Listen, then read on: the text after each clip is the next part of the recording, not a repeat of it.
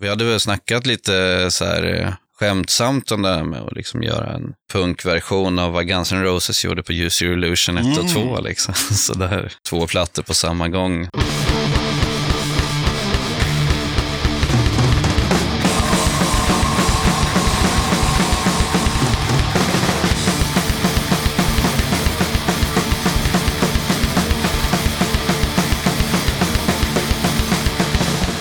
Tjena! Du ska känna dig varmt välkommen till avsnitt 169 av Döda katten Podcast.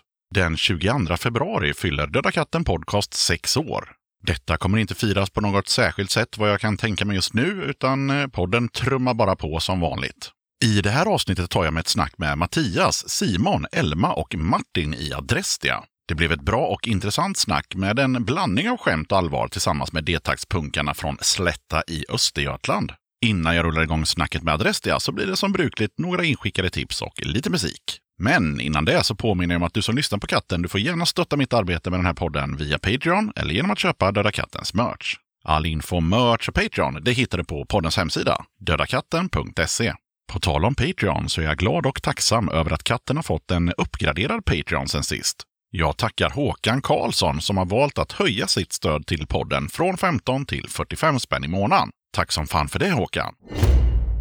Livet lekte som var gäster i avsnitt 102 har mejlat in ett tips. Äntligen är det dags för release av Livet lektes första fullängdsalbum. Vi tänker oss och hoppas på en festlig afton där just ni kommer att dyka upp för att göra den enkla glädjen dubbel. Vi kommer att framföra låtar från skivan och sälja fräna T-tröjor, mingla och dricka god öl av världens egna fabrikat. Supportbandet La Massa Grejer hjälper oss med den dansanta stämningen och vi hoppas att festen varar till timmarna sent.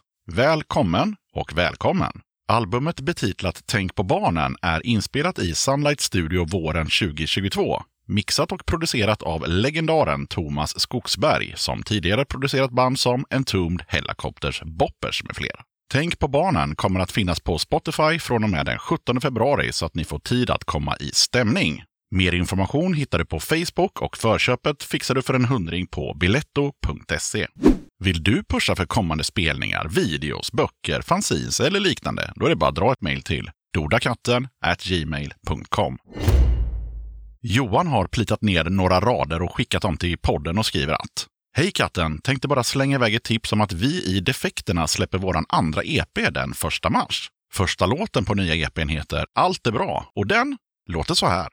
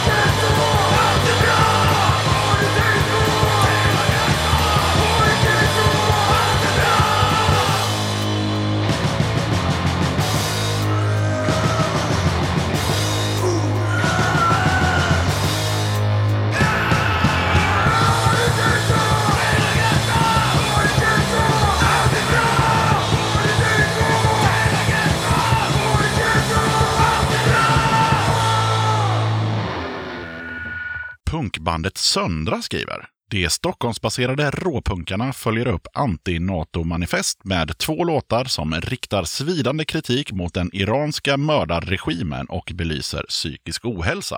Snaror, vilande runt halsar, svingande batonger över krossade skallar, brutala våldtäkter, förtvivlade blickar.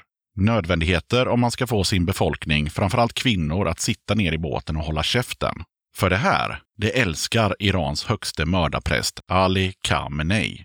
Sedan Masha Aminis liv släcktes av den iranska mördarregimens moralpolis i september har demonstranter slaktats på löpande band. åtminstone 450 personer enligt en rapport från forskningsinstitutet FDD. Dödstalen är talande. Khamenei gör vad som helst för att kväva protesterna. Stoppa mördandet, stoppa könsapartheid. Singen vilar inte enbart på kritik mot en mördarregim. Den belyser i Bottenlöst hav även ett av vår samtids största problem, psykisk ohälsa. Under ett Wolf Brigade-liknande upplägg vädrar en av våra medlemmar egna tunga erfarenheter. Bandet skickar över EPns två låtar och eftersom båda ämnena är viktiga så kör jag båda spåren. Först ut har vi Mördarpräster.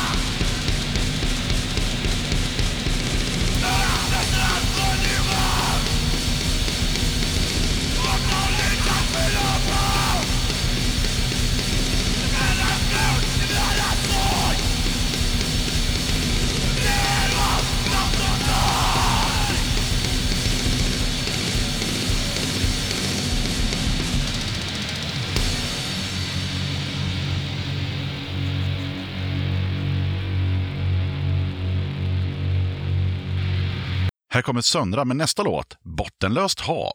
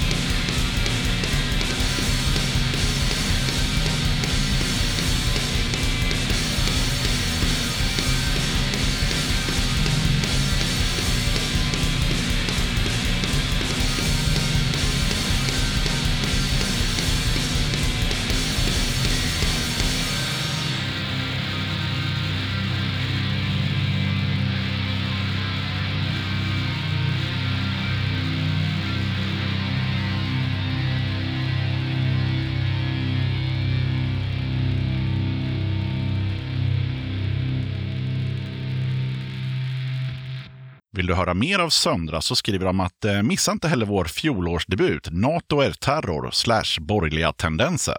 Vi finns på Bandcamp, Facebook och Instagram under namnet Sondra Punks.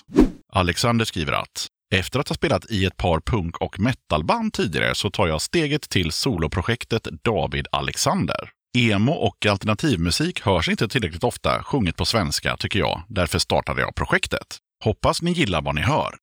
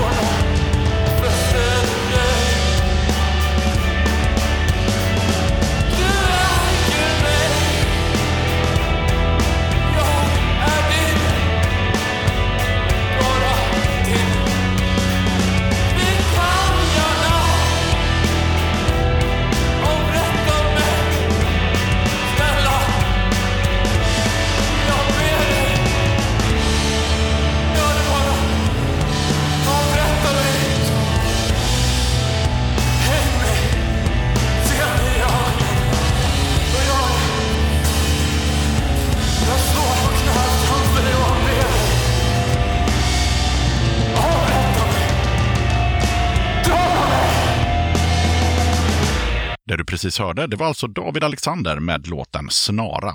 Fredrik på Star Tracks, som skänkte Refused-plattorna till podden som jag lottade ut vid jul, har skickat över ytterligare ett album som jag kommer lotta ut inom kort. Den här gången handlar det om eh, debutplattan från bandet Dull. Om skivan som släpps den 17 februari så kan man bland annat läsa följande. Bestående av medlemmar från en rad andra välbekanta band från Stockholmstrakten. Dead Vibrations, Twin Pigs, Tiger Bell, Mary's Kids och Boris and the Jeltsins så är dessa individer inga främlingar inom den svenska punk och rockscenen. Och för att eh, väcka ert intresse ytterligare så tänkte jag slänga på ett spår från plattan. Här kommer Dull med The Problem. Varsågoda!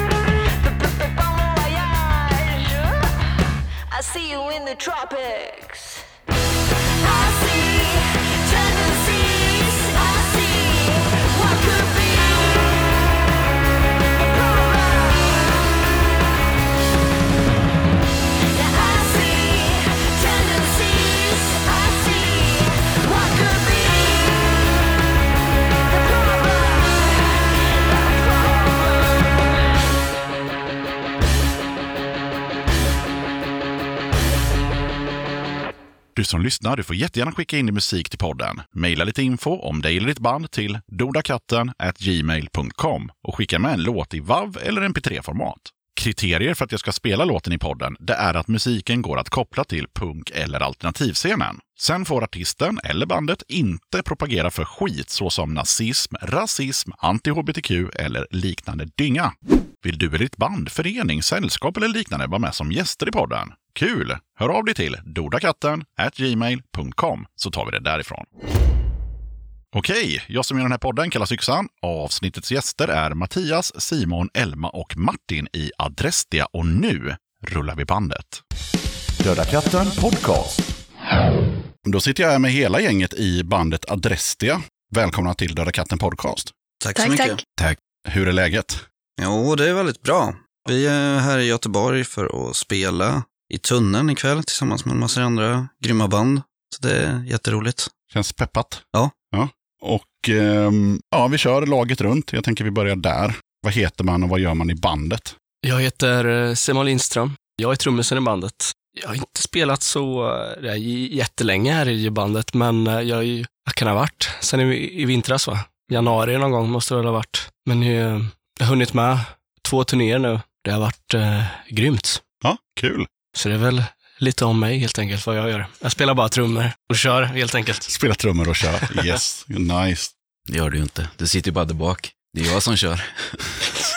Mattias heter jag och jag spelar gitarr och har spelat gitarr det senaste året till sviten basist och varit med ett tag, Ett tag. sen början. Sen början till och med.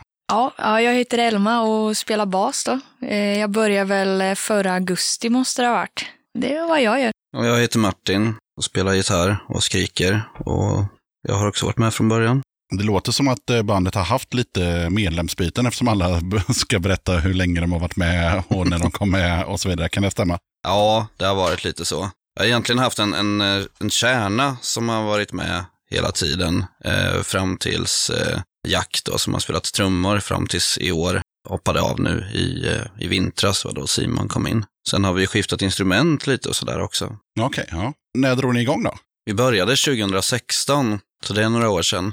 Hur gick det till? Du som var med från början. Från början så var det jag och eh, Jack då, som spelade trummor Mm. den tiden. Som eh, vi hade spelat ihop tidigare, eh, för länge sedan, när, när Jack spelade trummor i Shades of Grey, som jag spelade med då också. Sen så flyttade jag till Stockholm i flera år. Eh, sen när jag flyttade tillbaks då så, så var jag och Jack sugna på att börja spela tillsammans igen. Så började vi göra låtar som var lite i det här stuket, ja lite så som vi fortfarande låter kanske.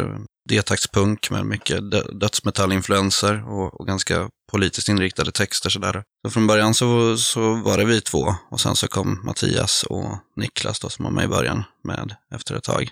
Var kommer ni ifrån? Hörs inte det? Jo, men jag tänker för de som lyssnar, jag vet var ni kommer ifrån, men det här är en podcast. Stan på Slätta. Slätta vet du. Linköping med omnejd, får man säga. Ja, det är också det här. Det, det var första gången jag hörde det här med, med Slätta, eh, alltså i Östergötland för eh, föregående band som jag intervjuade. De bara, så, men vad är nästa band? då?" Jag bara, så sa jag att det var ni och de bara, okej, men var är de ifrån? Så sa jag att ni var från Östergötland och de bara, så här, från Slätta. Och jag bara, så här, för mig är Slätta Skövde, Falköping, det är Slätta för mig. Mm. Ja, men ni har Slätta där också. Vi har det, ja. Det är vi som är slätten egentligen i stort sett. Ja, Okej, så den här Skövdeslätten är inte... Det finns inte. Nej, okej. Posers. Jag har faktiskt aldrig hört talas om den. Nej. Tror de har fått den bakfoten faktiskt. Men okej, men Östergötlands Slätta, vad är det? Det är Linköping och Mjölby Ja, Motala. och Motala. Eller? Skänninge in? då? Ja. Är de med? Ja, Det också. Ja, okej. ja. Ja, men då har vi två slätta. För den andra slätta det är ju Skövde, Falköping, Töreboda, Tidaholm och sånt. Ja. Yes, det är olika slätter. Ja, hur fan kom ni fram till att ni skulle heta den ni heter? Det är väl lite så att de flesta bra bandnamn är upptagna sedan länge. Så Tyvärr. Vi som fortfarande spelar, vi får liksom slåss om det lilla Smulorna. som finns kvar. Ja, precis. Och det är ju näst, närmast ett argument för att inte bilda nya band, det där med att man eh, måste leta upp nya bandnamn kan jag tycka. Jag vet att vi satt mycket då och liksom eh, slog på, eh, ja, googlade heter det väl numera, på olika typer av myt mytologiska varelser eller kulturella uttryck eller karaktärer inom gamla religioner och sådär också. Och då hittade vi den här gudinnan då, Adrestia. Eh, någon, som, eh, någon som kan grekiska skulle säkert kunna eh, tillrättavisa mig här lite på vad gäller uttalet och så, då, men vi, vi säger Adrestia. Hon var tydligen, enligt Wikipedia då i alla fall, eh, revolutionens gudinna på den tiden. Och då var det faktiskt så då att vi, hittade inget band som hette så. Tyckte vi var förvånansvärt bra och passande till budskapet sådär då också. Eh, Så då, då blev det Adrestia. Men hur är det idag då? Finns det något annat adress det är? För det kändes som att du menar att nu finns det där. Ja, jo, men jag tror sen, sen vi hamnade på Spotify så har vi fått på våran sida där, våran Spotify-sida, så har vi fått eh, sällskap av något technokollektiv från, eh, jag vet inte var i världen de är ifrån, men de ser inte ut som oss och de låter inte som oss. Det verkar vara den röda tråden med band som eh, har varit med i den här podden. Det är alltid ett techno, disco, hiphop eller någonting som har som också har tagit namnet då, helt enkelt. Mm. Ja. Men det viktiga är att det inte finns två punkband som heter det, för då, då blir det ju rörigt. Och eh, då har vi ju enbart er. Jag läste att ni var engagerade i Punks for Rojava. Ja, det stämmer bra. På vilket sätt är ni involverade i det? Eller engagerade? Ja, vi har ju under stora delar av, av den tid som vi har varit aktiva som band så har vi försökt att eh, dels vad gäller våra texter och sådär och, och, och, och låtteman, även videos och så som vi har gjort, så har vi försökt att belysa sådana såna teman som har med, med Rojava att göra. Sådär. Och sen så har vi varit engagerade i att försöka bygga upp det här nätverket då, Banks for Rojava. Och syftet med det har varit att, att dels att sprida information men framförallt att, att stödja olika projekt i Rojava. Vi har samarbetat mycket med en organisation i Stockholm som heter Rojava-kommittéerna som har kontakter där nere på plats och direkta länkar liksom till administrationen i, i Rojava och olika organisationer som verkar där nere. Så det som vi har gjort är framförallt att vi har tryckt upp t-shirts och annan merchandise och sålt och eh, sett till att pengarna har hamnat i olika projekt där nere då. Och sen så har vi även eh, varit delaktiga i att eh, sätta upp ett antal stödspelningar där eh, den vinst som vi har fått in har gått till de här projekten där nere. Och vad är situationen för de som liksom inte har någon aning? Alltså, vad, vad är det som ni stödjer? Vad är det som händer? Alltså det vi stödjer är väl hela, hela den här ideologin liksom. Alltså som handlar om eh, ja, men kvinnliga rättigheter och, och direktdemokrati och ja, men att tänka liksom klimatfrågor och sådana där grejer. Jo, men Rojava är väl ändå en plats, eller? Jo, Ja, precis. Så vad är problematiken på den platsen? Var ligger platsen? Varifrån kommer rörelsen? För nu pratar ni som att alla vet vad det här är och det gör inte alla. nej, Nej. det är säkerligen så. Rojava är ju ett område i nordöstra Syrien som historiskt sett under, eh, ska man säga, efter första världskriget egentligen så har det området varit till stor del befolkat av, av kurder och andra minoriteter i Syrien. Då är Rojava, det, det betyder väst, alltså väderstrecket väst på kurmanji, den kurdiska dialekten som man talar där. Och eh, då är det så att eh, kurderna blev ju utan land i de här förhandlingarna efter första världskriget. Så det som man såg då som, som Kurdistan och det som man, som man beslutade eh, efter första världskriget skulle bli en egen stat som skulle få heta Kurdistan, det blev istället då, på grund av, av att Turkiet motsatte sig de här planerna, så blev det uppdelat på fyra olika länder. Iran, Irak, Turkiet och Syrien. Och i den här delen då i, i Syrien så har situationen blivit lite speciell därför att under de senaste tio åren så, så har eh, de här kurdiska organisationerna och eh, politiska partierna då tagit, det är de som har tagit makten och, och den politiska kontrollen över det området. Och eh, för att göra en, en lång historia kort då, så har de implementerat det här systemet som heter demokratisk konfederalism. Demokratisk konfederalism, det är en sorts, eh, man skulle kunna likna det vid en, en typ av anarkosyndikalism kanske egentligen, med eh, väldigt decentraliserade maktstrukturer där man fattar beslut i, eh, i små kommuner då, icke att förväxla med västerländska kommuner, utan en kommun där rör sig om kanske 300-400 personer i en, en by eller en stadsdel eller sådär då. Och eh, om de beslut man behöver fatta berör fler än de människor som bor i den stadsdelen så för man upp de här besluten på högre nivå via delegater tills då man kan fatta beslut på högsta nivå som då gäller hela området. Och det här är, får man poängtera också då är inte ett försök att bilda en, en självständig stat i, i första hand, utan man, man förkastar hela nationalstatsbegreppet egentligen. Utan det, är- det är liksom ett, ett försök att decentralisera maktstrukturerna, att trycka på, eh, som, som Elma sa här, de här eh, tre pelarna liksom i feminism och jämställdhet, direktdemokrati och ekologi. Jag känner att det där skulle vi kunna sitta och prata om jättelänge. Men, men, men i Det är grova därför jag bara drag. sitter och lyssnar. Det är, så här, det, det är gött när någon vet vad de pratar om. Eh, Det är, det är skönt att höra. Ja, nej, men eh, i alla fall så är det väl så att eh, det här, eh, det har ju varit en väldigt speciell situation där nere, därför att anledningen till att, att man kunde ta över makten i det här området från början, det beror ju på att 2011-2012 där så gick ju IS bärsärk i det här området. De eh, började med att besegra den irakiska armén i Mosul och tog då över all militär utrustning som USA hade skänkt till den irakiska armén. Och med hjälp av den utrustningen, alltså då var de 800 IS-terrorister mot runt 20 000 irakiska regeringssoldater som flydde hals över huvud och lämnade allting. Så med den här utrustningen som de tog då så rullade de in över syriska gränsen. Och Bashar al-Assad då, Eh, Syriens diktator, han drog då tillbaks alla trupper från norra Syrien, där alltså det här Rojava ligger, för att försvara vad han såg som strategiskt viktigare städer då, alltså Damaskus och eh, Palmyra och andra städer i, i södra Syrien. Och det här gjorde då att eh, de här organisationerna i norra Syrien kunde ta över makten på ett relativt fredligt sätt. Alltså det var aldrig något krig med regimen eller sådär, utan de gick mer eller mindre bara in på myndigheter och sa att nu, eh, era soldater har åkt härifrån, vi, vi tar över det här och administrerar det här området nu. Där fick vi hela förklaringen. Och det tackar jag för. För att jag, så, jag, jag visste ungefär, hmm, jag skulle vilja säga 12 procent av det du sa. Helt ärligt. Ändå bra jobbat. Ja, men det...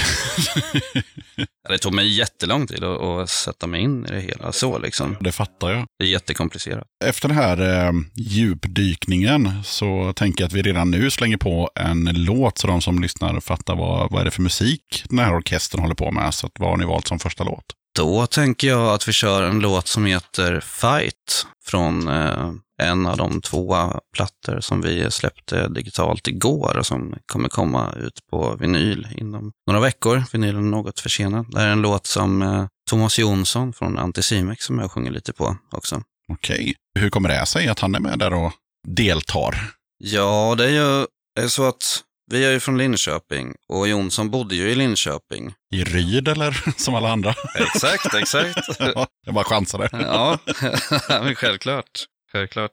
Så därifrån så känner ju jag och eh, Jack, då, vår förre trummis, eh, vi känner ju Jonsson från den tiden. Och eh, från det att vi började med Adrestia så, så var det någonting vi, vi ville göra. Våra första plattor är ju väldigt influerade över, överlag av Anticimex och eh, tidiga Wolfpack och sådär.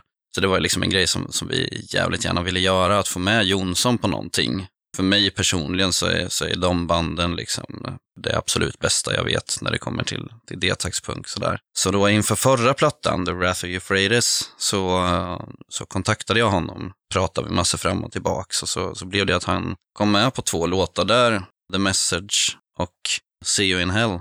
Två låtar från den skivan. Och eh, ja, sen så har vi fortsatt hålla kontakten och då blir det att han kommer här också. Sjunga lite grann på den här skivan med.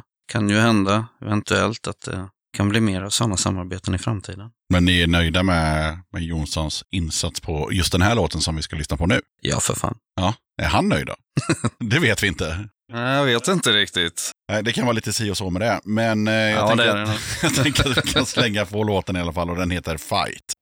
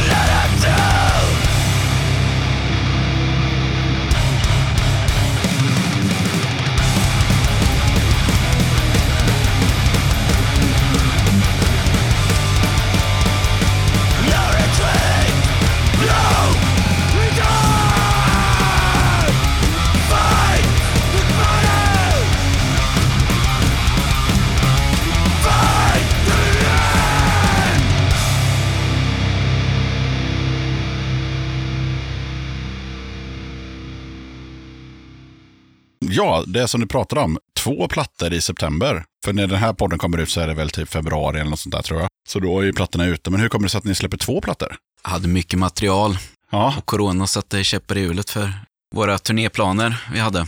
Så då tänkte vi, skriver vi rejäla grejer. ja. Men varför gjorde ni inte bara en dubbel-LP då? Eller? Det var väl lite så att, eh, alltså det är som, som, som Mattias säger, alltså vi var, vi var på väg till, till USA när pandemin kom. Mm. Vi skulle åkt en, en söndag där, flugit från Stockholm och sen fredagen den helgen så ställde Trump in alla flyg. Det var ju en helvetes tur att han gjorde det. Det är enda bra han någonsin har gjort. Men annars hade ju vi blivit fast i New York under eh, själva utbrottet och kanske inte kommit hem på ett par månader. Jag vet inte fan hur det hade gått, men då var det ju en situation liksom där vi satt med, med kanske, äh, kan vi ha haft fem, sex låtar eller någonting sånt där. Vi hade väl lösa planer på att vi kanske skulle göra en ny platta liksom. Sen när vi insåg att fan, vi kommer inte kunna spela överhuvudtaget och det här kommer hålla på jättelänge. Då blev det väl lite så liksom att vi, vi var tvungna att ha ett mål. Det känns som det är en bra grej för band att, att ha överhuvudtaget, ha någonting konkret att sikta på. Liksom. Vi hade väl snackat lite så här eh, skämtsamt om det här med att liksom göra en punkversion av vad Guns N' Roses gjorde på Use Your Illusion 1 och 2. Liksom. Så där, två plattor på samma gång. Det är väl också ett faktum att 20 D-taktstänger, så som vi spelar i alla fall, det hade varit lite mastigt liksom på, på en platta kanske att det hade gått in liksom, eller blivit en dubbel-LP eller något sånt där. Men lite roligare att dela upp dem på två olika skivor sådär. Men skiljer de sig lite då? Eller hur? Alltså vilka låtar, hur bestämde ni vilka låtar som hamnar på vilken platta och så? Ja, en del passar ihop bättre med varann helt enkelt märkte vi. Sen eh, har det väl lite med lyrik och sånt att göra också. Att del 1 och del 2 har lite andra, olika inriktningar. Ja, okej. Ja. Mm, det fick bli så. De- Alltså, de, de är ju ganska varierade överlag. Så där vi har försökt att kanske utmana lite grann eh, sådär vad gäller ramverket för vad man traditionellt sett brukar göra inom den här genren och vad man ska göra och inte göra. Liksom. Så vi har med sådana grejer som, som ren sång till exempel och vi har en instrumental låt som är saz och akustiska gitarrer tillsammans med trummor och bas och sådana där grejer. Vissa låtar som inte låter så punk överhuvudtaget. Så där. Samtidigt som, som basen hela tiden finns där i, i D-taktspunken. Liksom så. Men när vi skulle dela upp det där sen, då, då blev det liksom, då blev det till slut den, textmässiga delen som fick avgöra. Liksom. Så det, en platta är ju väldigt eh, politiskt inriktad och handlar mycket om eh, vad som hände i, i Rojava under den här perioden då från, från plattan innan dess och fram tills vi spelade in det här. Framförallt då med, med fokus på när USA drog sig ur och gav grönt ljus för Turkiet att invadera och börja terrorbomba städer och sätta in terroristgrupper, göra så att de fick makten i stora delar av det som tidigare var demokratiskt och sådär. Den plattan har liksom den inriktningen. The Betrayal heter ju den. Den andra plattan, The Mark of Cain, den är mer personligt inriktad. Jag vet inte vad som finns att säga om det. Nej, det behöver du inte säga så mycket om, Nej. utan då fattar vi liksom att vi har, det är två, men jag gillade Use Your Illusion jämförelsen. det punkens första Use Your Illusion-släpp helt enkelt. Men eh, är ni med i några andra band parallellt med Adress D? Ja, jag och Elma spelar ju lite med Shades of Grey här vid sidan av också. Det pysslar ni med på, På tisdagar. på tisdagar. Ja. Hur är det med Simon och Mattias? Har ni någonting på tisdagar? Nej, men eh, jag är ju soloartist också, Ah, okej. som går under mitt egna namn och sådär. Det är fint att kunna hålla på med det, men det är också underbart att eh, kunna spela i ett band där man inte behöver knyta alla frågor ensam, utan man, man samlas ihop och kan man diskutera och bråka om man vill det. Men det är fint att ha ett band och bara kunna känna lite mer gemenskap utanför eh, replokalen också och sådär. Så det är fint. Ja, vad ska jag säga? Jag vet inte. Jag har inte så mycket att säga om mitt egna här inne direkt. Då skiter vi i det och passar micken till Mattias. Som nu kommer berätta att han är med i 800 band. Så att, 815? Nej då. Nej, det blir väl att försöka hitta på saker till Adrestia först och främst då. ja, Och sen ja, knåpa på rummet. yes. Inga band. Inga band. Ja, kära Adrestia, då är det dags för en fråga som jag ställt. Det har hänt några gånger. Vi börjar från vänster till höger. Så att eh, Simon, Yes. vad betyder punk för dig? Ja, ehm, om jag ska vara ärlig, alltså jag har- har tänkt lite grann på, på det här att ehm, jag har tänkt så himla ofta att det är så opunk att försöka förklara vad det är. Liksom. Fast det är, ju- frågan är vad den är för dig. Ja, men exakt. Inte vad det är och jag har liksom generellt. eh, för, försökt att, och fundera på vad det egentligen är för mig så himla länge. Och rent generellt så skulle jag säga att det är eh, en livsstil för mig. Någonting man växte upp med. Inte bara rent politiskt om jag ska vara ärlig. Liksom, det har också liksom, det finns någon kraft i det som gör att man eh, kan stå upp för sig själv lite mer än vad man gör om man till exempel lyssnar på vilken annan genre som helst överlag om man ska vara ärlig. Så jag skulle nog säga att för mig är det nog en kraft att, att stå upp för sig själv lite mer. Våga visa lite ryggrad. Nice. Ja, jag kom in på punken någon gång på mellanstadiet och då är det ju främst musiken då. Så den eh, har ju legat som grund för mycket i mitt intresse för det. Sen eh, nu när man är med i ett band och spelar och grejer så märker man ju att eh, det är ju en bra gemenskap, så jag tycker det är kul. Väldigt positivt inställda människor överallt. Så det är jättekul. Så det är lite vad punken är för mig. Ja, eh, jag skulle nog säga att eh, från början var det ju alltså mest musiken och bara liksom ha jävligt roligt och bara så här peka finger till alla jävla mainstream jävlar liksom som inte vågar ha någon, någon egen identitet sådär. Men eh, alltså desto mer man kommer ut och, och träffar folk inom genren liksom så går det mer från att vara bara riktigt bra musik till att vara ja, men en samhörighet liksom. Att man, man har jävligt kul och, och sådär. Och då är ju bara musiken ett plus liksom. Snabba, bra, inrepade svar. Det gillar vi. Så eh, hur ser det ut för Martin? Jag tänker ju på, tänker att punk har, har liksom blivit det det är på något sätt. En, en, en social rörelse med ganska, i mitt tycke, ganska, ganska så tydliga politiska ståndpunkter. Det här med, med antirasism och en eh, väldigt stark strävan efter jämställdhet, jämlikhet, inkludering av, av alla människor som liksom ställer upp på de här politiska parollerna. Så jag, jag tänker nog på det framförallt som en, som en social, social och politisk rörelse med musikaliska förtecken såklart. För det är ju, musiken har en, en central del i det hela ändå. Det här har vi diskuterat mycket, Elma, med, med man kan liksom hitta band, du hade något band från så här 60-talet som är liksom... Ja, ja precis. Gammalt eh, rockband liksom. Väldigt tydliga punk. Alltså väldigt punkigt för att vara 60-tal liksom. Innan man hade hittat på ordet punk. Ja, men precis, musik, precis. Ja. Ja, och det är så uppenbart att men det här är punk Ja, ja. när man lyssnar på det. Man kan inte säga varför, men, men det är uppenbart Nej, men att det det är spelar så. Men, men, men det har ju inte ett skit gemensamt med eh, totalitär. Nej, Eller någonting sånt. Så rent musikaliskt sett så är det ju liksom eh, en väldig spännvidd, vilket jag tycker är en styrka också. Det, det är ju skithäftigt. Men för mig handlar det mycket mer om, om attityden och, och de här eh, idealen. Liksom. Det är punkkultur, det är ju den enda kultur som jag någonsin har känt mig hemma i. Sådär, liksom, att jag känner att det här, det här är liksom ett med mig, så det här kan jag stå bakom. Jag brukar sällan säga vad punk betyder för mig och det tänker jag inte göra nu heller. Men däremot så tänker jag lite att eh, om man tar den punken som när liksom tidningarna hittade på att man, vi kallar det här för punk. Alltså nu snackar vi 77 liksom med säkerhetsnålar i, i kinden och Sex Pistols och sådär. Eh, när det liksom var tidningssensationer.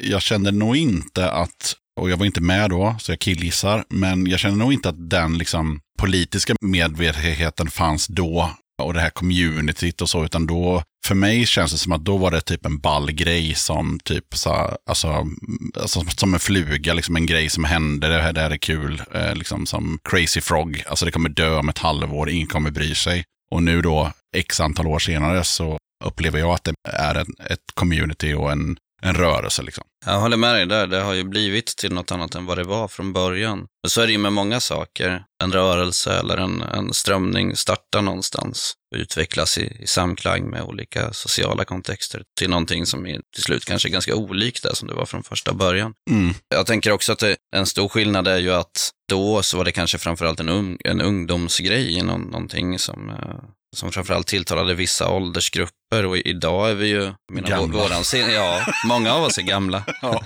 Alla här är inte så gamla. Nej, men jag är gammal. Ja, jag med. Nej, men det, det har ju också blivit, och det, det blir också någonting helt annorlunda. Det är en sak att leva med någonting som, som du säger som kanske är en trend i ett halvår när man är 15-16. Ska man leva med den här grejen och ha den som en, en ganska så här, eh, stor bas för sin identitet i, i 40-50 år, då vill det ju till att det är någonting mer än säkerhetsnålar i kinden. Exakt. Ja. Bra closure på den. ja, ja. Vi kör nästa låt, tänker jag. Vad har ni valt som låt nummer två? Järnmasken från eh, nya plattan. Ja. Jag är ju inte med på eh, de två nya plattorna då, dessvärre, men, eh, Du kan ändå vurma för dem. ja, men jag kan ändå på, på något sätt nu efter ett tag säga att det känns ändå som att det är jag som spelar dem. Eftersom det är du som spelar i videon till Järnmask. Ja, men exakt. Nej, men eftersom att vi har eh, nött och nött i eh, repan och spelat de här låtarna väldigt många gånger. Och det är en jävla grym låt alltså, måste jag säga. Det har ni gjort bra, hörni. det har ni gjort bra, hörni. Ibland så. Vad handlar järnmasken om? Järnmasken är en jävligt introvert livsbetraktelse.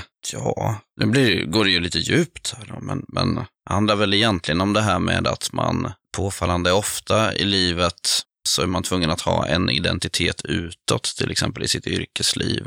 Lite som att man tar på sig en mask.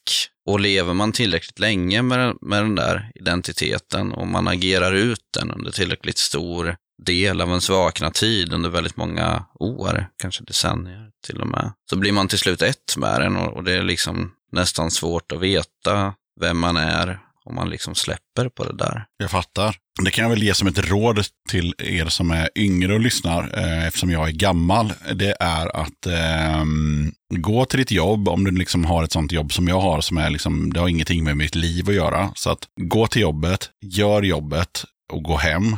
Adda inga jävla arbetskollegor på din Facebook och Instagram och så vidare, utan det är människor som du jobbar med. Du kan vara jättetrevlig mot dem, inga konstigheter. När det är firmafest, ta två öl och gå hem. Du vill inte vara den som de snackar om sen i fikarummet. Ja, that's it. Så jävla bra sagt. Tack. Ja, det var bra sagt. Men då tar vi och lyssnar på järnmasken och eh, jag tror att den låter ungefär så här. Varsågoda. Förtärade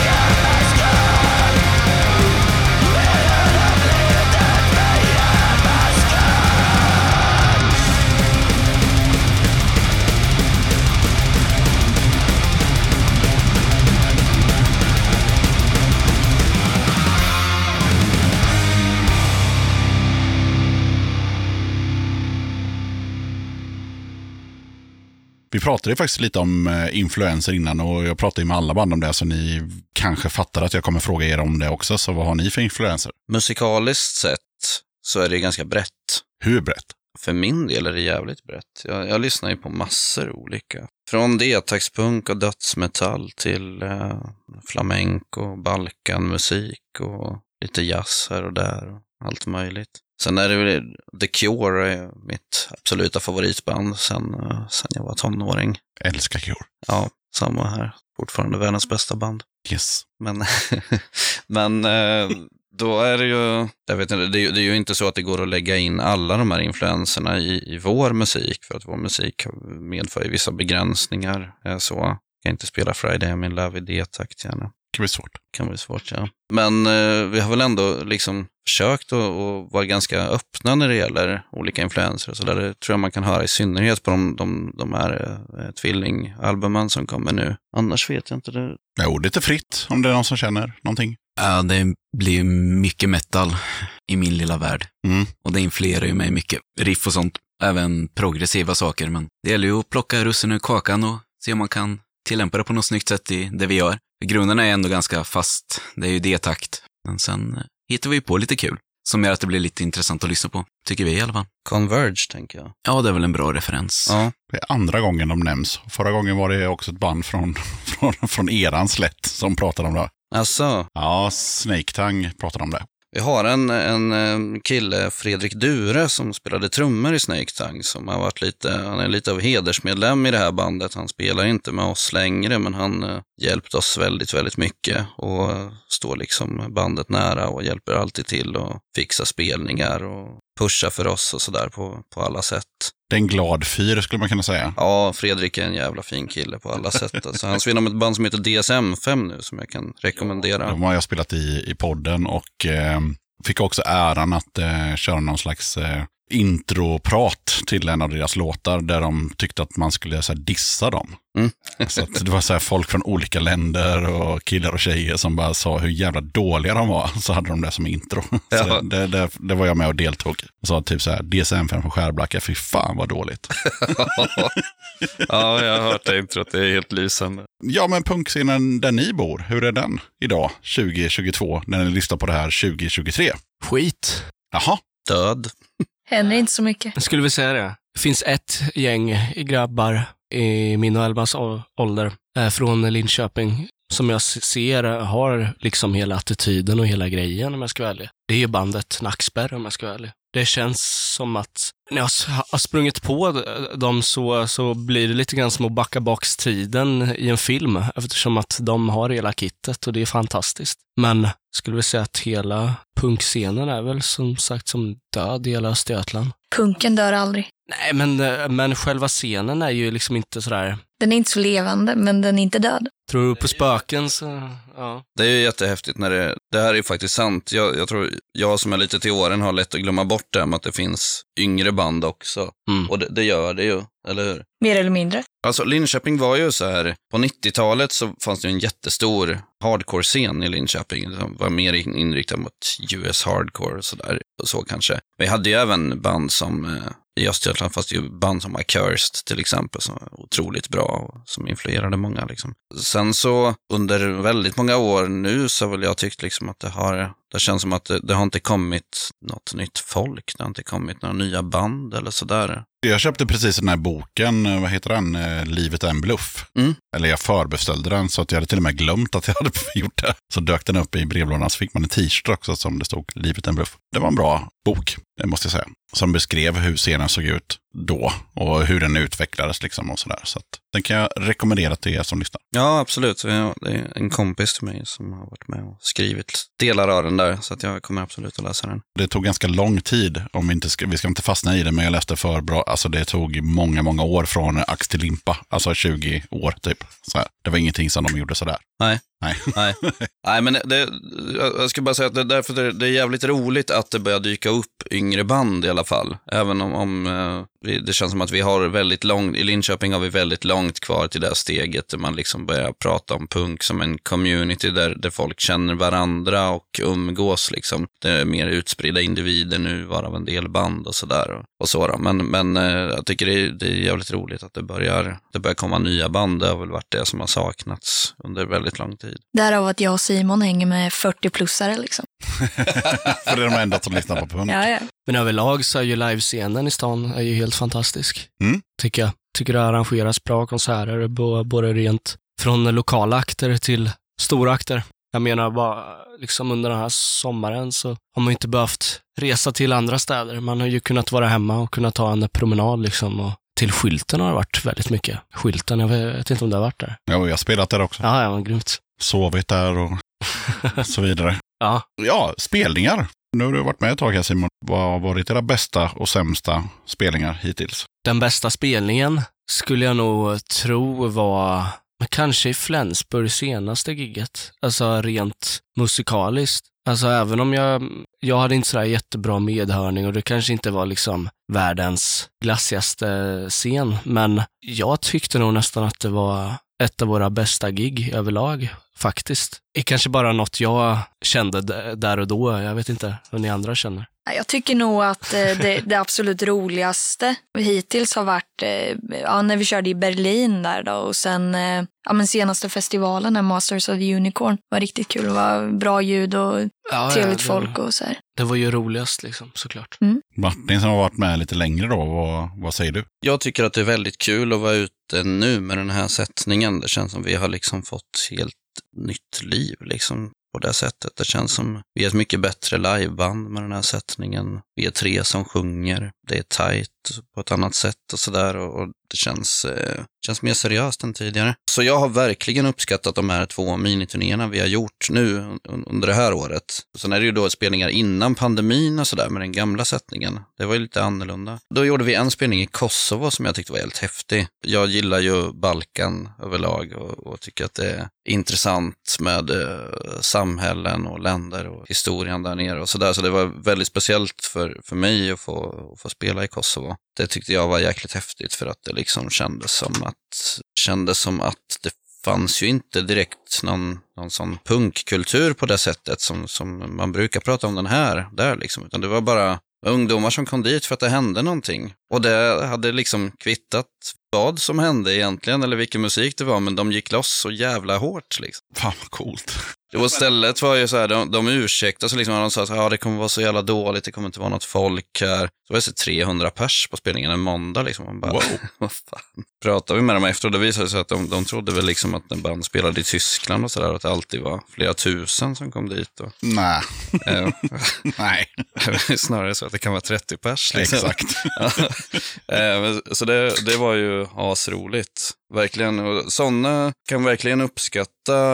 Alltså, jag gillar som fan att spela på ställen som, som Köpi och Zorro och sånt där som vi har spelat på också. Men jag, men jag kan tycka att det är sjukt häftigt att, att möta människor på det sättet som kanske inte riktigt är en, en del av vår community och vår kultur, men som ändå är öppna för en. Och kanske framför allt då på platser med så stora sociala problem och så pass stora så pass, vad ska man säga, invecklade politiska situationer där, där människor, där, där livet kanske inte alltid är en dans på rosor, då känns det jävligt häftigt att få komma dit och, och spela den här typen av musik och prata med de människorna. Och det känns ju som att lika mycket som, som vi liksom ger någonting till dem när vi kommer dit och spelar, nästan mer så ger de någonting till oss när de kommer dit och tittar och kommer och pratar med oss efter och sådär. Jag, jag gillar verkligen den typen av möten, så man lär sig mycket på det. Ja, det kan jag tänka mig. Men på tal om spelningar så tänkte jag lite så här. Är det inte på spelningar typ allting kan hända? Alltså om man jämför med en livesändning på tv och så, eller en bandad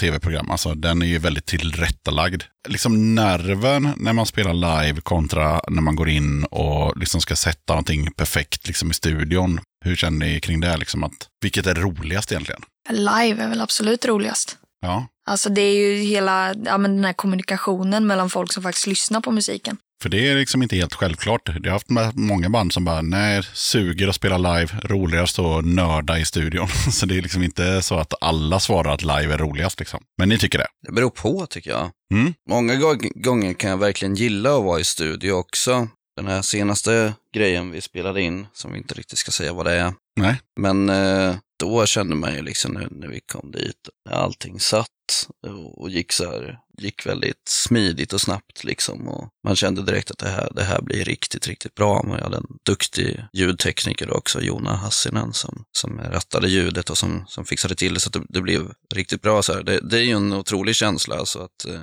att höra sina låtar växa fram och att eh, vara på ett sånt ställe med, med, där det finns folk med det tekniska kunnande som, som behövs för att liksom lyfta fram ens musik på bästa sätt. Så. Men det blir också lite att den delen är ju liksom ett kreativt liksom skapande som, som växer fram i studion medan live-grejen, det är ju jag ska inte lägga ord i någons mun, men live-grejen är ju mycket också dagsform, publik, arrangemang, eh, allt det där runt omkring som gör huruvida det blir, som blir en kul, ett kul minne att ta med sig eller ah, en annan spelning bara. Absolut, så är det. Det kan vara väldigt stor eh, skillnad från livespelning till livespelning. Och det har ju väldigt mycket med sådana här tekniska grejer att göra. Som, eh, jag vet inte huruvida det finns monitorer eller inte till exempel. Det kan ju sabba en hel spelning på vissa ställen. Om det inte finns monitorer och man inte hör någonting när man spelar. Det jag var ute och fiskade efter lite också är att typ live så ska man ju liksom vara, eller ska, man får fan göra hur man vill, men då brukar man i alla fall vara lite spontan, tänker jag. Och det är ju då inte Martin i en intervju från 2016, för då skrev han, jag brukar memorera mellansnacket i stora drag och sen så värmer jag upp händerna och stretchar armarna innan jag ska börja spela. Vem är den där Martin? Ja, Nej, men det för, jag brukar faktiskt göra det. För att vi, jag brukar hålla rätt mycket politiska mellansnack och sådär. mm. Och um, särskilt då när det är på engelska eller när vi har varit nere på Balkan, om det är på serbiska, bosniska eller kroatiska och sådär, då, då måste jag ju liksom ha Kan du alla de språken? Hyfsat lite grann. Wow. Men det är, det är typ samma språk. Nej, det är det inte alls. Kommer du inte ihåg språka på serbokratiska? Jo, Ja. hela min uppväxt.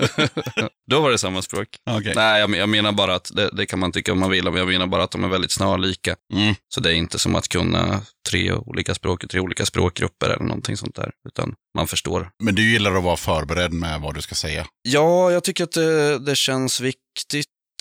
Alltså om jag ska säga någonting, då vill jag att det blir bra liksom. Som publik då, om, om ni spelar så här fredagen i eh, Jönköping och lördagen i Huskvarna och du säger exakt samma grejer, då kommer jag ju tycka att det är ganska pajigt. Ja, så kan det vara om du är på båda spelningarna. Men jag, jag förbereder aldrig när det är på svenska. Nej, okej. Säga. Okej, okej, okej. Det, det där är på engelska. Men är inte det ganska vanligt då? Att man alltid kör igenom det, för det är ju liksom en, det är en del av, eh, av konserten Det är liksom. också en del av den kritiken som brukar komma. Så här, bara, han sa samma saker, de spelade samma låtar i samma ordning. Alltså, det känns inte äkta liksom. Det var det jag var ute efter. Jag skulle tycka att det var helt fantastiskt om det kom en person och såg oss två kvällar i rad. Jag gör jättegärna det. Den kritiken vill vi ha. Ja, exakt. Det skulle vara liksom som ett kvitto på att man har Ja, gjort precis. någonting jävligt bra. Ja, eh, vi har pratat om eh, Use Your Illusion, Adrestia och eh, sådär. Men eh, vad har ni för närmaste planer? Och då får ni tänka på att de som lyssnar på det här, de lyssnar på det här februari. Kan ni se så långt fram i... Ska till Holland, Mm. Bloodshed Fest. Fira valborg där nere. Ah, Så det blir kul. Mm. En liten miniturné runt det. På, ja, när- det här sägs ska vi ju då säga så är det ju eh, september fortfarande. ja, det, det är september just nu, en jättefin solig eh, sensommardag. Men när ni lyssnar, när, när ni hör de här fantastiska östgötska rösterna plus min, så är det ju februari 2023. Ja, precis. Och jag hoppas då att, eh, för att vi i februari 2023 har bokat upp den här miniturnén. Men i dagsläget så är det bara Bloodshed Fest som är, är färdigt där. Men där ska ju bland annat Wolf Brigade spela också. En rad andra band som är förbannat jävla bra. Så det ska bli askul verkligen. Nice. Vi kommer till pushningsdelen som är en av de få sakerna som man faktiskt kan förbereda sig på. Så att jag tänker att eh, vi kör vänster till höger, börjar med Simon. All right. Är det någon som har någonting som ni vill pusha för, lyfta upp? Jag tänker väl mest lite grann att eh, jag hoppas att, eh, att det finns eh, så, så många som är möjligt där ute som eh, bland annat kan se allvaret i hur samhället ser ut och sådär just nu. Jag har ju ingen aning hur det kommer att se ut i, fe, i februari, det är ju en helt annan tid. Det kan ju hända väldigt mycket. Vi kör lite med så här tillbaka till framtiden-temat här. Ja, men det, eh, det så är blir ju lite så. Ja, Nej, men om man ändå ska pusha fram det ändå och vara här så tycker jag att vi ändå liksom kan använda oss av det, att eh, det är otäcka tider. fruktansvärda tider skulle jag vilja säga. Men det är inte så mycket att pusha för någonting, utan det är mer, att, det är mer att bara tala om att ja, var femte svensk röstar på nazist och det pissar eh, på allt. Men eh, den här delen handlar lite mer om att så här, Ah, okej. eh, pusha saker. Lyfta upp artister, författare. du menar så? Ja, Okej. exakt. Jag tänk, tänkte att det var något ämne du vill Nej, nej, nej, att vi utan skulle... här, här, är, här, här ska du prata till de som lyssnar och säga att lyssna på uh, Traste Lindéns kvintett, de är svinbra. Alltså en sån grej. All right. Nej, men eh, lyssna på, eh, lyssna på mina låtar annars. Ja. Simon Lindström. Simon Lindström, Det är inte så mycket D-takt i det, men um, lyssna ändå. schyssta låtar, fina texter. Ja. Det kommer från hjärtat också, så det, det är väl det som är grejen. Här kommer Mattias men... med sin push. Oh, den sitter långt inne känner jag. Jag har ingen uh, jättepush, men uh, ja, lyssna igenom våra låtar mer än en gång gärna. De växer. Ja, det kommer de göra. Ah. Hemliga budskap. Växtpush från eh, Mattias. Vad har eh, Elma att pusha för? Ja, men eh, får väl säga att eh, fan bara kör på. Skit i allt annat, bara kör, kör din grej bara liksom. Lyssna på vad fan du vill, även om det är skit liksom. Så bara kör på och ha kul. Gör din grej. Ja, men precis. Det, det kan ju hända vad fan som helst liksom, så det är bara att ha jävligt roligt. Ja. Ja. Menart. Menart. Och vad säger Martin? Vad har, han? har han någonting som han vill pusha för? Jag hade ju två grejer jag ville pusha för. Det ena var Punks for Rojava, och det har vi redan pratat om. Och sen var det DSM-5 och det har vi också redan pratat om. Så du har liksom ingenting kvar? Och jag har en grej. Yes. Som sagt, nu är det här september och det står precis nu blivit klart att vi har fått en eh, ny regering här bestående av ett parti med eh, rötterna i nazismen och eh, tre vidriga partier som är kollaboratörer och som ämnar bilda regering ungefär som Frans von Papen ämnade bilda regering med NSDAP på 30-talet. Jag skulle vilja pusha för att, eh, med risk för att kanske att det här kan sticka i ögonen på en del, men jag skulle vilja pusha för att man fan måste gå och rösta. Det finns en, en rad av masshysteri som jag tycker är bra där. Jag röstar inte för något, jag röstar emot.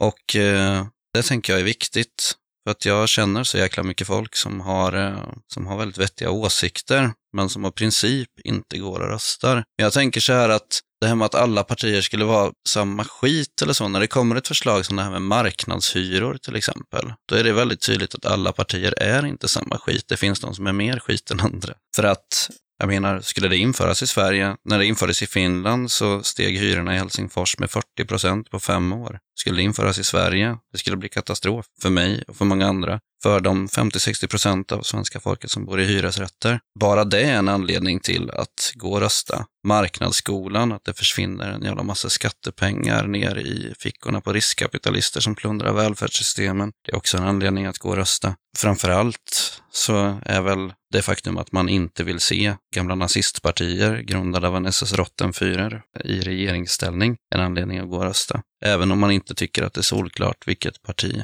man vill rösta på, även om man inte håller med om allting eller sådär, tycker jag ändå man ska göra det. För det är bättre att göra, att göra en sån liten insats än att inte göra någonting. Det tycker jag är viktigt. Jag håller med och eh, dessutom så är det så att folk glömmer väldigt fort. Så allt det där du sa om eh, skitpartiet som vi har i regeringen. De flesta har ingen koll på det överhuvudtaget. Utan de bara så här, nej men jag röstar på SD för att röra om i grytan. Och de har liksom ingen jävla koll på var de här människorna kommer ifrån. Utan de bara så här, ja men vadå, då kommer jag få lite mer i lön och så kan vi skicka hem alla spaggar och så blir allting svinbra. Man bara så här, ja, kul, kul att du tänker så, idiot. För så är det tyvärr. Alltså historiken på det här jävla gänget, det har väldigt få koll på. För jag tror faktiskt att vi hade inte haft var femte svensk som röstar på det här partiet om de hade haft lite mer koll på vad fan är det för jävla gäng. Så är det ju, helt klart. Folk glömmer ju sånt där snabbt och jag och Elma pratade om det igår, att den här eh, lagen som kom på 90-talet om eh, där man inte längre fick bära nazistiska symboler, tänker på något sätt att den var, det var en sån här grej som möjliggjorde det för, för SD att bli ett, i många ögon då, rumsrent parti. Det gick inte så länge deras möten bestod av packade skinnskallar som gjorde Hitlerhälsningar.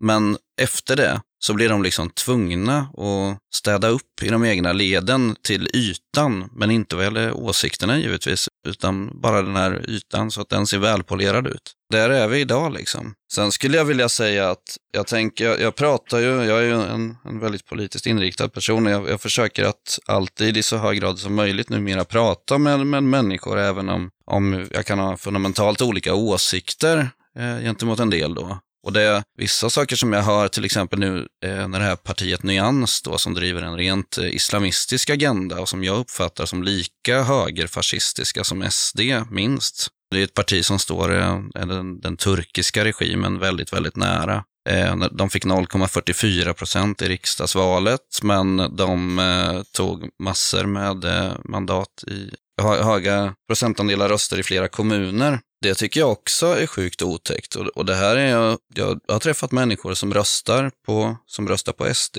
bara av anledningen att man är fruktansvärt rädd för sådana här partier och de här organisationerna. Det är en sån här grej som, vad gäller det arbete som, som vi har gjort då med, med Rojava till exempel, när man har kommit i kontakt med kurdrörelsen och sådär, så, är det, så är det ju någonting som man hör ganska mycket om, att det, de har väldigt, ofta väldigt svårt att förstå den här rädslan för att kritisera fundamentalistiska religiösa organisationer. Att sådana organisationer ibland får skattepengar i Sverige för att driva sin verksamhet när verksamheten eh, är klart och tydligt kvinnohatisk, diskriminerande mot hbtq-personer, icke-inkluderande. Man, man driver en agenda som, som går ut på att man till exempel rättfärdigar folkmord på armenier och sådana där saker. Och där har vi det här partiet Nyans. Liksom. Här måste vänstern skärpa till sig. Man får fan inte ge religionskritiken åt högerextremister. Vi kan inte sitta och säga att det är okej att Saudiarabien finansierar moskéer i Sverige och står och predikar salafism här och står och eh, bjuder in hatpredikanter som står och hetsar mot judar, mot homosexuella och som driver kvinnofientliga agendor och liknande. Så där.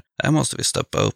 Det är min åsikt. Gud ja, eh, vi ska inte fastna i det, men vi- har ju exakt samma situation i, i eh, England. De också röstar liksom på missnöjespartier för att de är rädda för allting som inte är engelskt. Helt enkelt, om man ska simplificera det. Så de bara säger, okej, men eh, då röstar jag på det här jävla piss höger för att de, eh, de ska värna om England, liksom, säger de då. Alltså det är ju det, det är deras slagord, att de ska värna för det, för det riktiga Grekland, eller det riktiga England, eller det riktiga Sverige. Alltså det är ju Mm. lätt att haka på. Ja, ja visst, det, det är ju det. Och sen är det ju, tänker som i, i Sverige nu innan valet så har vi haft en fullständigt vidrig valrörelse, valrörelse som helt och hållet har eh, handlat om, om högerns eh, så kallade hjärtefrågor då, kriminaliteten och då pratar vi inte om, om verklig kriminalitet såsom skattebrott och sådär som, som verkligen är, gräver hål i den svenska statskassan utan gängskjutningar och sådana Mm. den typen av underklassens kriminalitet helt enkelt. Det är, det är jävligt lätt hänt att det blir så i ett land som Sverige med över 80 procent borgerlig media. Det är klart att det är de frågorna som lyfts fram, men det, det är förbannat viktigt att, att vara smart i de lägena. Och där, jag tycker inte att vänstern har varit det. Jag tycker man har varit otroligt korkade som har, som har gett de här frågorna. Slappa skulle jag vilja säga. Ja, hur fan kan man ge frågor om hederskultur till SD till exempel? Det, det är ju helt sjukt. SD vill ju att de här tjejerna ska bli utvisade tillsammans med sina familjer. Vi borde ju visa att vi bryr oss om de här tjejerna och ta stenhårt avstånd från allt vad hederskultur heter. Istället för att tjafsa om huruvida begreppet är diskriminerande mot vissa kulturer eller inte. Det är dumheter. Det handlar om de här tjejernas rätt. Mm. Man får inte kompromissa med det. Det känns som att eh, Martin är liksom fanbäraren i, i det här bandet. Vad får du tycka det?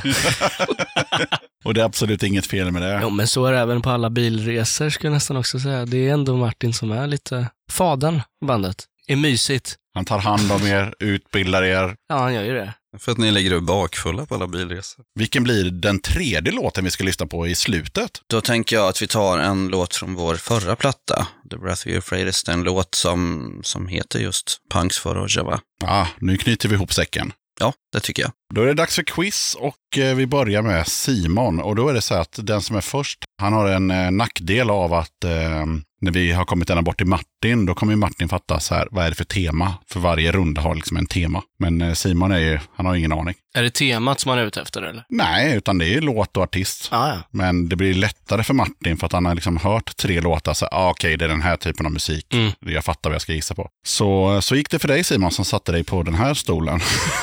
Någon som vill byta? Så vi kör första låten och den går ju då till Simon.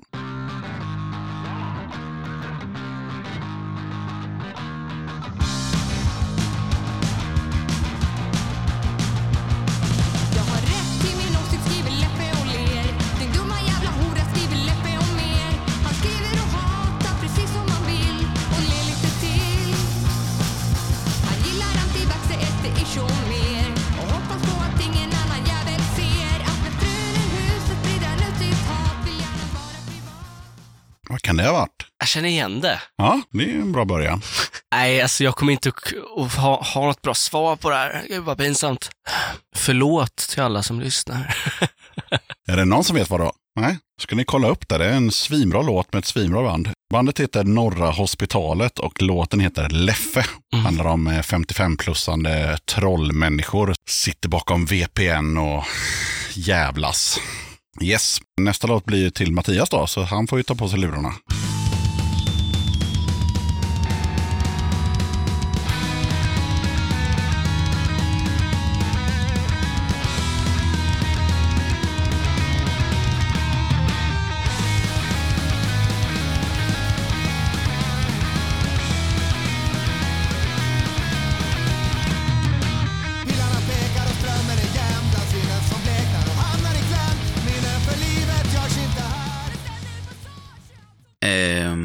Trall sa vi där ja. Ja, det var trall. Ska vi se, eh, kan det vara lastkaj Ja, 14? det kan det. Så en poäng till Mattias. Vad sa de om att vinna Simon? Var det är du som fortfarande kör hem imorgon så... ja, inte så tidigt? Har du någon aning om vad det var för låt? Det har jag tyvärr inte. Den hette så mycket som eh, Bryta ihop. Mm. Så kan det vara. Elma, Jo. superberedd. Vi får la se.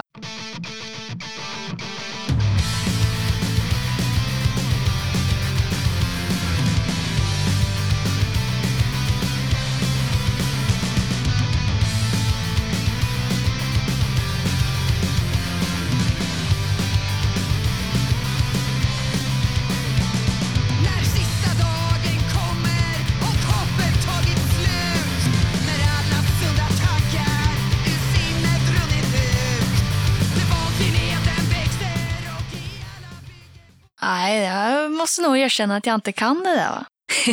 Det är helt okej. Eh, det var Slaveriet från den andra slätten eh, med låten Bakom deras murar. Tror de spelade på Punkbåten också senast. Ja, det gjorde de. Coolt. Yes, de har varit med i podden också. Bra band, så sett. Ja, Martin. Mm. 400 000 euro motsvarar ungefär i svenska kronor 40 000 miljarder kronor.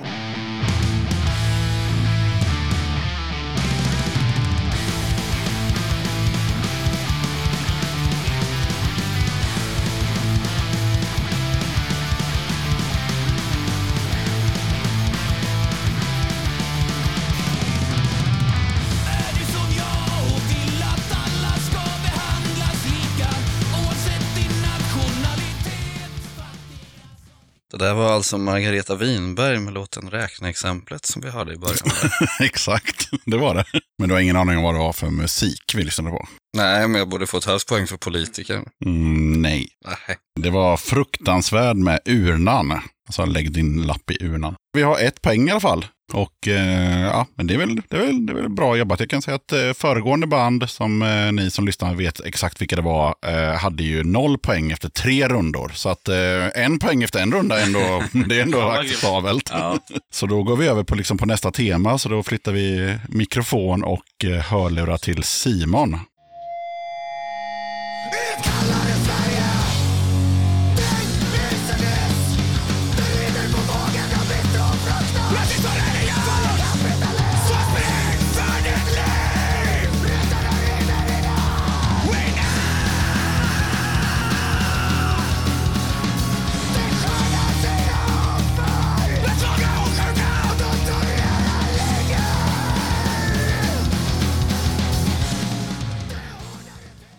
Ja du, kunde man säga vad, vad låten hette också? En låt och artist. Ja. Var det hårdare tider han sjöng? Ja, det gjorde han. Det blir hårdare tider, det sa han innan det tonades ner, absolut. Jag har fa- faktiskt ingen aning om jag ska ärlig vad det här var. Nej, är det någon annan som Så som Martin visste faktiskt. Martin kanske? Får man chansa på att det kanske var hårda tider? Nej. Nej. Det var ett dödens maskineri med Alliansens nya ryttare. Ah, men gud vad Ganska dumt. aktuellt med vad vi precis pratade om. Ja, vi ska spela ihop med dem i, i eh, Falun nu i november. Ja, okej. Det här borde vi Får se hur det blir med det nu. Det här släpps efteråt i och för sig. Ja, Jag bara precis. skojar, det är klart jag vet vad det är. Ja, jag skojade också. Nu vet jag. Ja, Okej, vi skickar eh, vidare till eh, Mattias. Jag ser rakt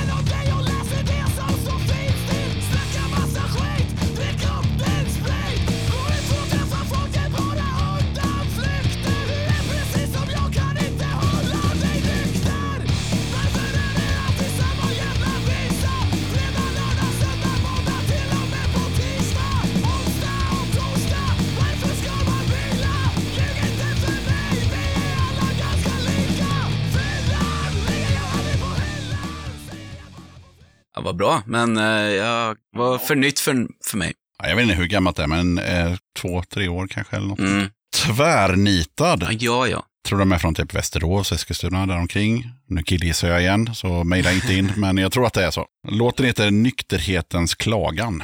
Eller Nykteristens klagan. Vad sa du? Det påminner om Svart snö Ja, men det gör det. på ett jävligt häftigt sätt.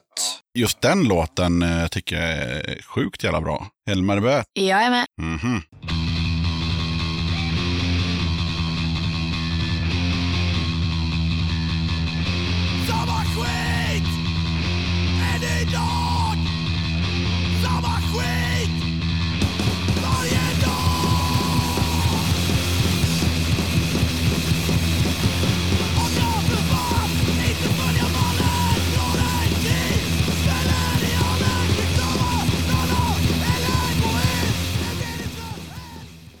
Nej, det står ganska still där också faktiskt. Det här var väl för, kanske från 2003 eller något sånt där.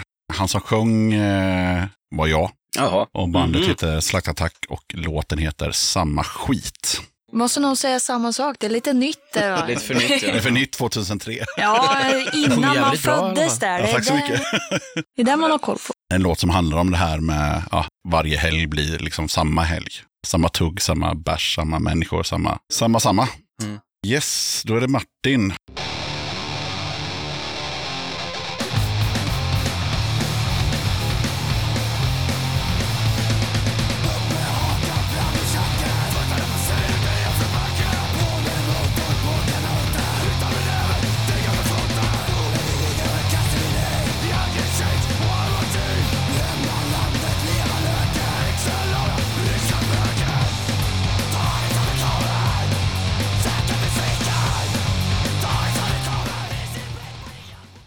Nej, ingen aning. Ett jätte, jätte, jättebra band från ehm, ja, Kristinehamn tror jag att de är från. Har säkert funnits i 20 år och de heter Anatomi 71. Mm. Så det var dem. Så då har vi eh, kört igenom, eh, och just det, temat på de fyra första låtarna var att de var på eh, Second Class Kids eh, samlingsskiva Sveriges jävla hjärta som de släppte inför valet. Då. Och de andra fyra låtarna var ju helt enkelt svensk eh, råpunk där man eh, spelar D-takt och sjunger på svenska. Så att vi har en poäng hittills och den är, har ju Mattias. Ja, nu är det ju dags för de oseriösa låtarna då. Det vill säga curveballen som jag brukar kalla det för. Och eh, ja, jag kan inte säga någonting om temat utan det är ju Simon som får dra det kortaste strået. Men eh, vi kör. Yes.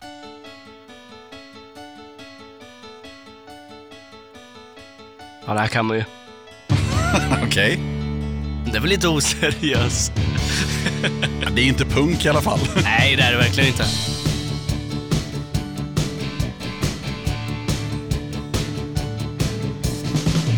I ett hus här strax bredvid bor en man som nu fyllt 33 Han har fru och barn och han båtar i sin trädgård Det är ju Ulf Lundell då, men eh, En poäng i alla fall till Simon. frågan är om det är när jag kysser havet eller kysser havet. Ja, det får du ju bestämma dig. När jag kysser havet. Två poäng till Simon. Det heter exakt så. När jag kysser havet. Fan, vad punk jag känner mig.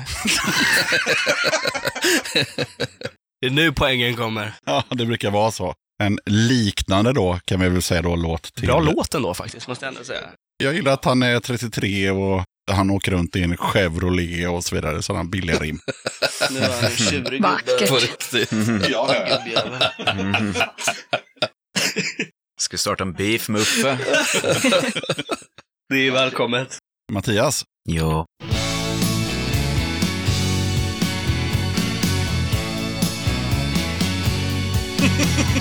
så jävla bra.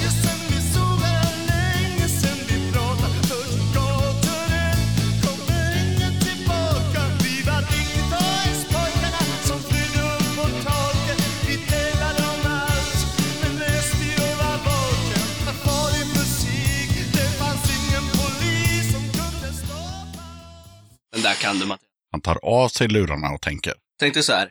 Ge mig en. Den värsta staden i hela Östergötland. Norrköping. Ja. Och vem kommer därifrån? Pontiac Johansson. Ja, det gör han ju. är det någon mer? Ja, det, fi- det finns ju fler. Okej, du kunde inte helt enkelt. Nej, det är inte han som sjunger Hej Monica. Nej. Nej. Okej, eh, Elma och Martin, har ni någon aning om vad det här var för någonting? Ah, jag tar stolthet i att inte veta. Jag håller med Elma. Ja, Okej. Nej, det var ju från den där slätten som ni är ifrån och, och som Simon var inne på eh, då, Norrköping och eh, ett ganska så känt band som heter Eldkvarn. Ja, de ja. Ja, och låten heter Treans spårvagn genom ljuva livet. Så kan det vara. Du fattar ju du ungefär vad det kommer att bli nu. Ja. Det kommer bli någon jävla gammal slemmig farbror som sjunger en låt. Fast lite långsammare den här gången. Det är ju fan... Eh... Ja, det är det. Ja, det är det. Fast på svenska. Ja, på svenska.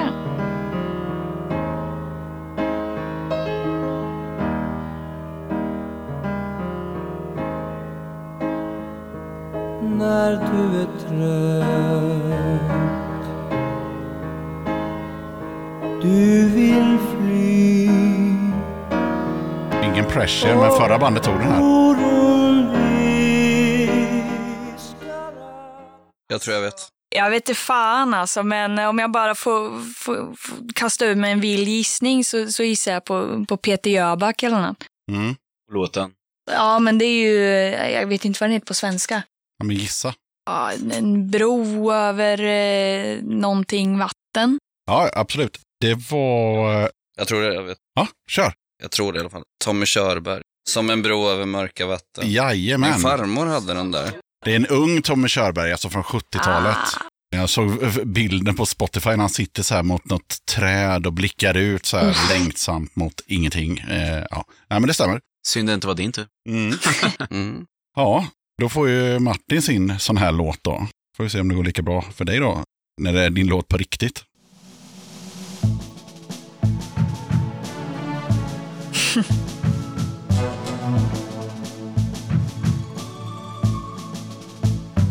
Jag har hört Det kan jag. Niklas Strömstedt. Ja, det är tyvärr fel. Det är F. Nej, Men då har du redan sagt det, så nu har du bara titeln kvar.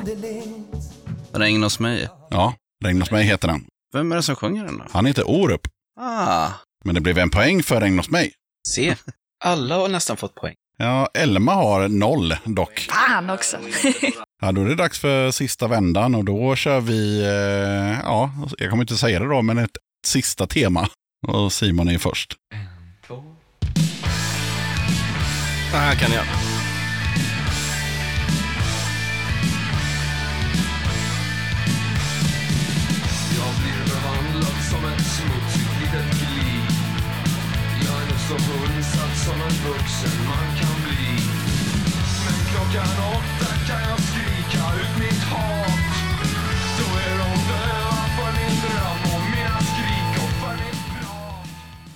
Är ju B-bandet. KSMB 602. KCMB var det, men inte 602. Va? 602 är ju en helt annan låt som börjar med ett jättelångt intro. Vänta, fan. Nu fick jag hjärnsläpp här. Du, eh, jag har ju sumpat din chans här nu. Ja, va? men vad fan var det då? Klockan åtta. Exakt. Jävla dum är jag. Vad sa du om poängen, Det där Mattias? klipper vi bort. Ja, det var klockan åtta. 602 är det ju inte. fan tänkte jag. Men i alla fall, det vart ett poäng och vi skickar vidare till Klipp Mattias. bort det där snälla. Inte en chans. Farsan kommer bli så jävla besviken. Du var ju så otroligt självsäker också. Bara, KCMB 602. Nästan så att folk blir förbannade på det här inne för att du inte kunde. Är du med Mattias? Oh.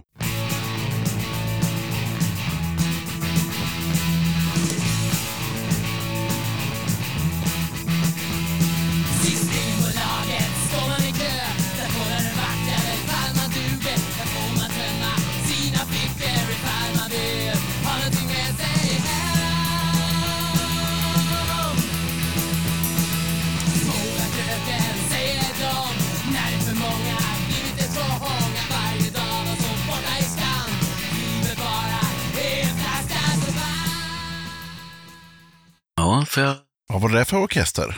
ställa mig vid skampolen? Nej, var det inte Ebba Grön? Jo, Jo. visst var det det? Men låten däremot. Ja, okej. Ska du eller jag? Nej, kör du. Profit. Jajamän, profit. Aha. Fan, Jajamän. får ju köra till refrängen. för fan. Det är så i introtävling att man får väldigt sällan refrängen. Elmar, jag tänker så här, oavsett hur det går så hade det varit kul om du tog ett poäng nu. Ja. Så du inte går härifrån liksom. Nej, nu, nu För det är din sista låt. Med de här två låtarna innan liksom, måste man kunna det här.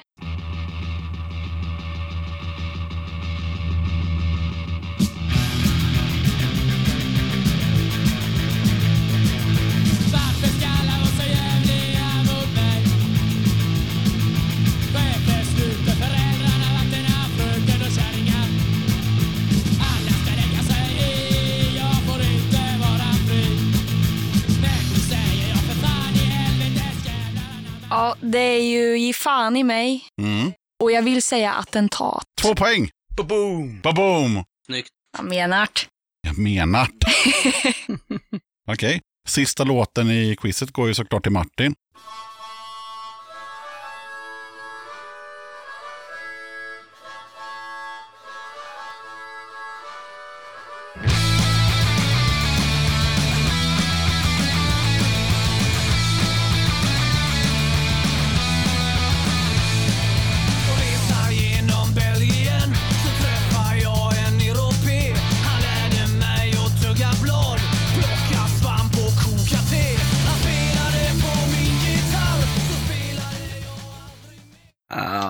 Högst osäker alltså, men kan det vara så att det är Troublemakers kanske? Jajamän, en poäng till Martin. Heter låten något med blå också kanske? Nej, Nej, nej, då är jag fel. du tänker på Lilla Fågel, eller Lilla ja, Blå. Staffan Ja. Hellstrand. där, Ja. Men eh, Troublemakers har också en låt som heter Lilla Blå. Som handlar om eh, när han blev av med sin oskuld på eh, en eh, camping på Öland. Aha. Yes, Eh, men den här låten heter ju eh, Som sommaren och är en cover. som Det är någon annan som har gjort den. En jättekonstig låt. En svårbegriplig text med en lätt-trallad refräng, sjunger de, Som sommaren. Så det innebär ju då att eh, vi har ju en vinnare i Simon. Jajamän. Tack så mycket Jörgen, men det känns ändå som en förlust eftersom att jag sumpa KSMB där. Jag kan inte släppa det. Nej, nej, ni får prata om det efteråt. Men du fick tre poäng och eh, övriga deltagare fick två poäng var. Så att det är liksom ingen, ingen skugga över det. Men hans poäng kom från Ulf Lundell. Ja. Vem är den riktiga förloraren här? Här får Simon en eh, tygkasse Ah, vad som det står Döda katten på. Och i den så ligger en kassett och eh, ett kuvert. Och i kuvertet så finns det faktiskt klistermärken och eh, patchar och sånt. Och så finns det varsin pin. Så antingen så har du fyra pin på din jacka eller så delar du med dig. Klart jag delar med mig. Sen får du också välja då pris här. Här har vi då t-shirtar. Så då får du antingen välja en t-shirt eller så får du välja någonting i den här och här är det skivor. Ja men du, det här är ju svårt alltså. Man får inte både och liksom. Man får ju liksom välja. Får man kolla vad det är för skivor? Såklart man får. Jag tror inte det är Ulf Lundell ändå. Alltså. Men då skiter Det kommer inte vara när jag kysser havet eller vad den heter. Den kommer ju tyvärr inte vara med där. Men Orup, det är något för dig.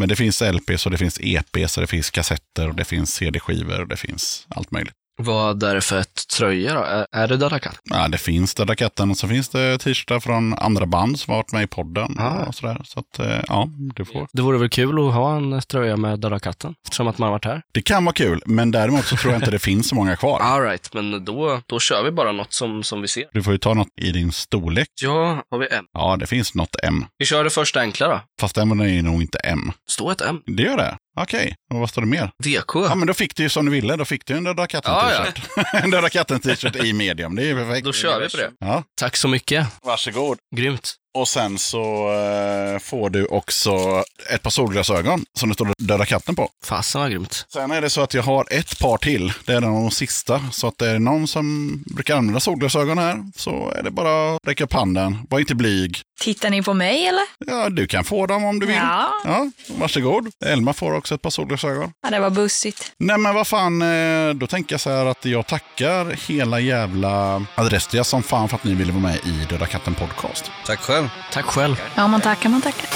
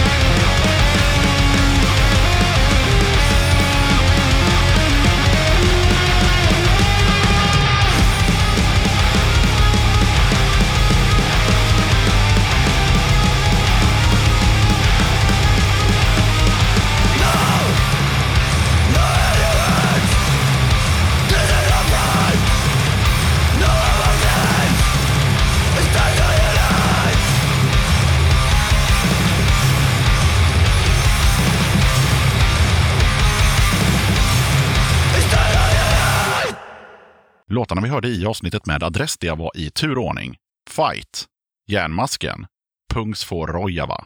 Då tackar jag som fan för att du lyssnade på avsnitt 169 av Döda katten Podcast. Kolla gärna upp Döda katten på Patreon om du vill stötta mitt arbete med Döda katten. Det är ett enkelt sätt att stötta podden, så har du 15 spänn eller mer över i månaden så hade det varit guld värt om du valde att supporta podden. Som Patreon kan du ta del av lite extra material och köpa merch till rabatterade priser. Du hittar Döda kattens Patreon-sida på patreon.com dodakatten.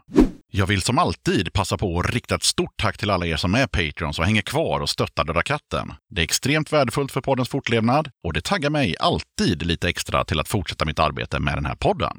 Vill du köpa lite snygg Döda katten-merch? Ja, då är det bara att glida in på kattens hemsida som du hittar på dödakatten.se och sen klickar du på shop.